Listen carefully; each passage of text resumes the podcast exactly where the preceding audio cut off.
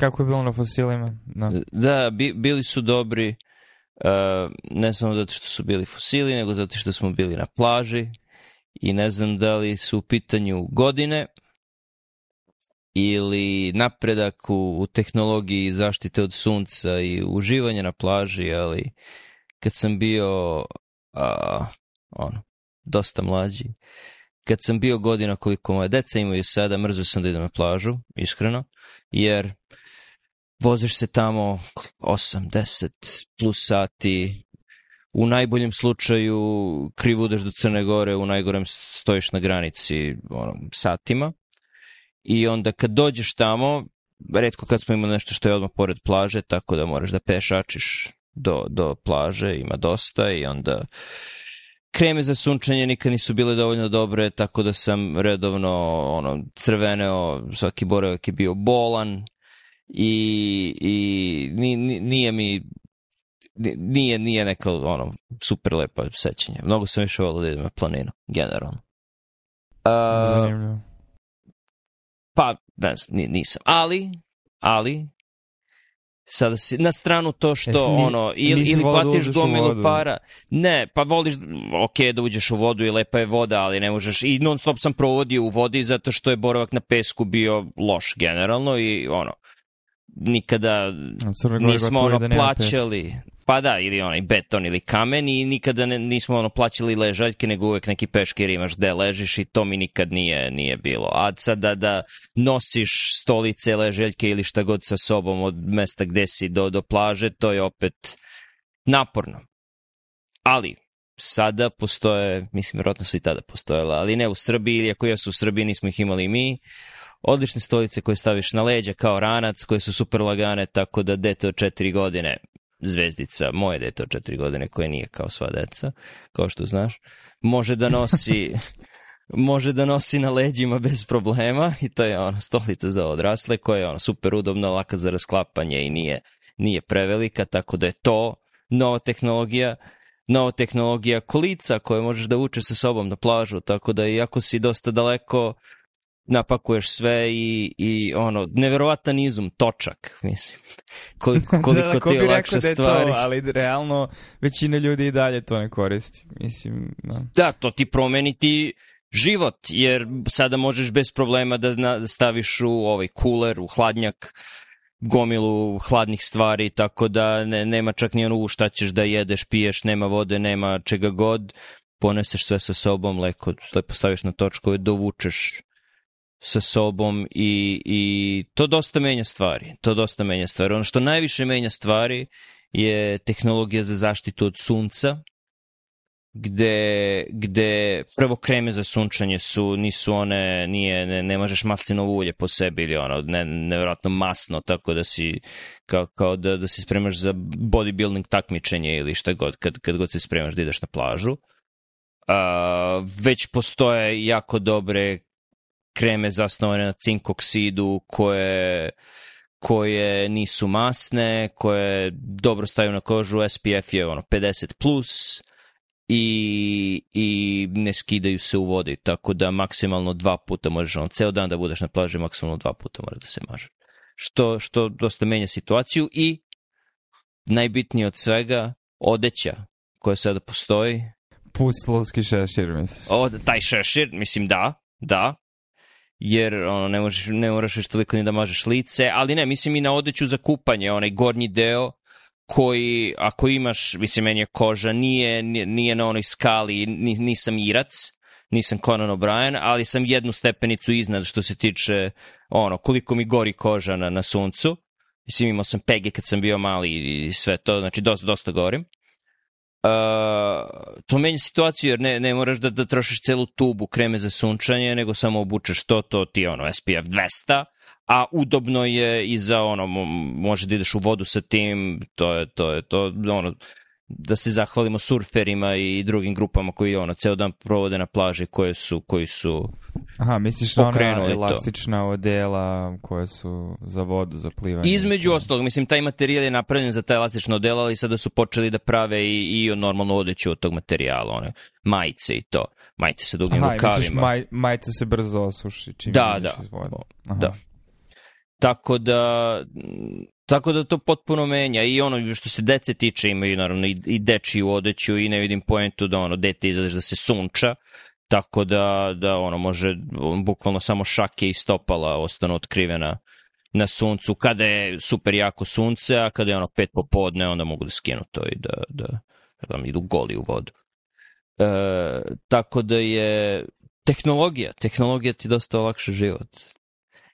I... Pa zanimljivo koliko je to tehnologija na razini od nekoliko decenije da- i nije kao da dosta te tehnologije nije bilo ostvarivo. Mislim, neke stvari jesu rezultat novih materijala, tako da, znaš, ta odela i kapiram da i te stolice su mnogo lakše nego što bi mogle da budu ranih 90-ih jer su napravljene od aluminijumskih ono, profila koji su mnogo lakši, i rasklopivi i tako. Da, čak i ona plastična kolica, mislim da te vrsta plastike i koliko je koliko može da ono bude stabilno na pesku i točkovi i sve to, mislim da, da i to razvoj, razvoj tehnologije, mislim nisi mogao neka drveno metalna kolica da vodiš na, na, na pesak da, da dolačiš stvari time. Tako da je sve to tehnologija, generalno. A, ali ne treba zanemariti ni činjenicu da živimo na sat vremena od, od vode. Mislim, to je, to je, to, to dosta menja, menja jednačinu kada to ne mora da bude planiranje od dva meseca da, da provedeš i ono, kad već ideš, onda mora da provedeš deset dana negde, nego možeš da odlučiš za vikend da odeš negde. Na plaži, na normalnoj plaži, to je, to je lepo. Da, a kakva je voda? Voda tamo gde smo juče bili u Česapi, sad bio sam na dve zavljeni. plaže, da, na dve plaže u dve nedelje, to je to je bilo dobro. I duži put do Severne Karoline, Outer Banks, to je, mislim, to je okean. Tako da je voda generalno hladna um, i talasi su generalno visoki i ono, vidiš zašto ljudi surfuju, zato što nema šta drugo da radiš u takvoj vodi, osim ono, surfovanja, jet ski i šta god, definitivno ne možeš da se, da se brčkaš u vodi. Nije beskreno prozirni Mediteran sa morskim ježevima. I... Daleko od toga. A, e, a, ta, ali ima, ima i to svojih prednosti. Znači, i onda razumeš zašto ljudi rade te sportove na vodi, zašto rade ono, surfing i jet ski i te stvari, jer ne, ne, nemaš nešto drugo što možeš. Ali je opet ok, jer nije ono odjednom duboka voda, postoji gradacija i ono, deca sede na ivici, čekaju da, talas, da ih talasi zapljusnu i to mogu da rade satima i satima. I tu je onda bitno da imaš dobru stanicu na plaži sa stolicama, sa igraškama u pesku i ono, bukvalno možeš da provedeš 12 sati na plaži bez, bez problema. E, čak i na okeanu. A ono gde smo bili juče je E, Calvert Cliffs, koje su Calvert Litice, na zapadnoj strani Česapika, Česapik je zaliv, koji je o, nastao udarom komete pre o, više miliona godina i tu je, tu je pre toga bilo plitko more, koje je bilo no, tropsko, temperature su bile, bile dosta više, i ono, te Calvert litice poznate po najvećoj koncentraciji fosila na istočnoj obali. Fosili su uglavnom morski svet koji i sada postoji, znači tu ve, ve, većina je ono školjke stare milionima godina, ali koji više nisu u tom delu Atlantika, možeš da ih nađeš na Karibima, a, ali su tu i tačno vidiš ono kako polako erodiraju litice, vidiš koliko je visoko bilo to more i koliko je viši nivo vode bio u to vreme E, I ono, bilo je dosta ajkula, bilo je, i ono, megalodon je bio u tim vodama, tako da povremeno često na obalu zapljusnu zubi od ajkule, koji su ono, zubi od ajkule stari milion i više godina pošto se ajkula nije toliko dugo menjala. One iste ajkule koje su sada u vodi su i, i tada plivale morima. Tako da, ono, ako neko hoće zub od ajkule da stavi na ogrlicu, može samo da šeta obalom i, i pokupi jedan ili dva zuba dok tako šeta. Mi smo našli jedan. I našli smo gomilu drugih malih fosila. To je, to je, to je bilo, bilo zabavno. A voda je, mislim, Česapik je dosta fraktalan zaliv sa puno rukavaca i, i dosta mirnom, toplom vodom, tako da je voda bila mlaka, bez ikakvih talasa, kao da si bio na Jadranskom moru. Manje slano nego Jadransko more, do duše.